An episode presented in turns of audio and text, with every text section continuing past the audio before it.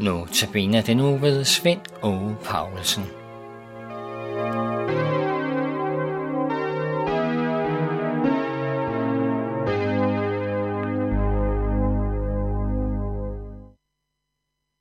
I Lukas kapitel 4, vers 30 står der, men han banede sig vej imellem dem og gik. Sådan sluttede episoden, hvor tilhørende i Nazareth ville skubbe Jesus ud over bjergkanten og efterfølgende stene ham for blasfemi. Men nu viser Jesus den magt, som han ikke ville anvende for at imponere folk, men her bruger som optakt til sin frelsergærning, som Lukas herefter beskriver i resten af evangeliet, i resten af hans evangelium. Jesus bærner sig vej igennem de, der har forkastet ham. Ikke på grund af hans bodsprædiken, ikke på grund af strenge krav, men på grund af det evangelium, som han var begyndt at forkynde. For evangeliet indeholder et ufravigeligt anstød, nemlig at denne Jesus bringer Guds nåde, og at alles endeligt kun afhænger af, hvorledes man tager imod ham, Jesus. Det har mennesker også i dag så svært ved at acceptere, at forhold til netop Jesus skulle være afgørende for ens frelse eller fortabelse. Det bør der nærmere komme an på mig selv, på hvordan jeg lever. I verset her beskrives kort, hvorledes mennesker tager imod Jesu frelsestilbud. Jeg er med et, hvad biler han sig ind? Hvem tror han, han er? Men den ophidsede skare aner alligevel, hvem han kunne være. Måske på grund af hans blik eller hans myndige fremtræden. De slipper ham i hvert fald, og Jesus forlader dem. Hændelsen den der i Nazareth beretter Simeon faktisk om allerede før Jesu fødsel, da han i templet i Jerusalem sagde, at Jesus var et tegn, der skulle blive modsagt. Og det blev det tegn den dag. I vers 31-37 står der så, Jesus kom ned til Capernaum, en by i Galilea. Han underviste dem på sabbaten, og de blev slået af forundring over hans lære, for der var myndighed bag hans ord. I synagogen var der en mand med en uren dæmonisk ånd, og han skreg højt. Hvad har vi dog med dig at gøre, Jesus fra Nazareth? Er du kommet for at ødelægge os?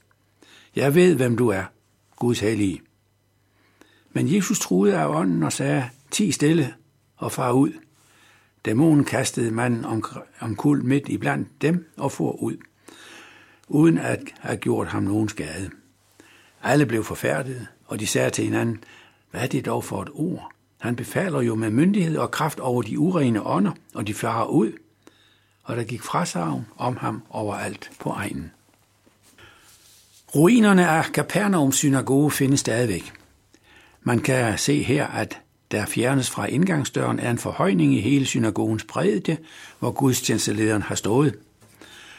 Der har nok ikke været noget egentligt alter, så synagogen har haft karakter at være et bønnehus. Gudstjenesten blev varetaget af en lægmand, selv de skriftkloge, teologer og farisæerne var lægmænd. Og selvom synagogen ikke havde et alter, har der været et, en altertjeneste, en fast liturgi med en bestemte tekstlæsninger, en trosbekendelse efterfulgt af bønder. Ja, faktisk en ordning, som blev overtaget af urkirken, og som vi stadig har den i vort højmesseritual. Og Jesus brugte den rettighed, som tilkom en hver skriftlært jøde, når han forelæste skriften og underviste folket. Men hans måde at prædike på var forskellig fra rabbinernes, for de analyserede og diskuterede teksten og påberåbte sig deres autoritet som rabbiner. Det gjorde Jesus ikke. Men han talte alligevel med en så naturlig myndighed, at den fik tilhørende til at måbe. Magten i hans ord viste sig indimellem også blandt de syge, at Jesus virkede på en måde, som man normalt ikke holdt for muligt, det beskrives i forskellige kilder, også jødiske kilder uden for Bibelen. Det beskrives, at han var mægtig ord gerning, står der her. Det fremgår klart af den skildring af sabbaten i Capernaum, hvor tilhørende blev slået af forundring over hans prædiken og den myndighed, der var bag hans ord. Det har været ganske anderledes end rabbinernes analyserende og lidt diskuterende måde – Nej, hos Jesus lå der magt bag forkyndelsen, og magten lå i hans ord. Og tilhørende spurgte sig selv om, hvad der særligt var ved disse ord. Man havde aldrig hørt eller mødt noget lignende.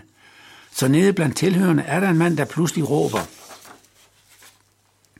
Hvad har vi dog med dig at gøre, Jesus? Er du kommet for at ødelægge os? Jeg ved, hvem du er, Guds hellige. Og Jesus uddriver en ond ånd af den mand. Og Jesu uddrivelse af den ånd viser her et eksempel på, hvor magtfuld hans ord var. Alle tilhørende i synagogen blev forfærdet, og det tror jeg. Og de spørger undrende hinanden, hvad i alverden skete der her? Hvem er dog han, som uden besværgelser og mange særlige bønder og berøringer, men blot med et ord kan uddrive en ond ånd, ja, den susede redselslagen ud af manden. De fornemmede, at noget helt særligt her er i gang. Og det var jo også tilfældet. Det ved vi, der kan se det hele i historiens lys. Guds rige var ved at bryde ind i verden. Vi fortsætter der i morgen.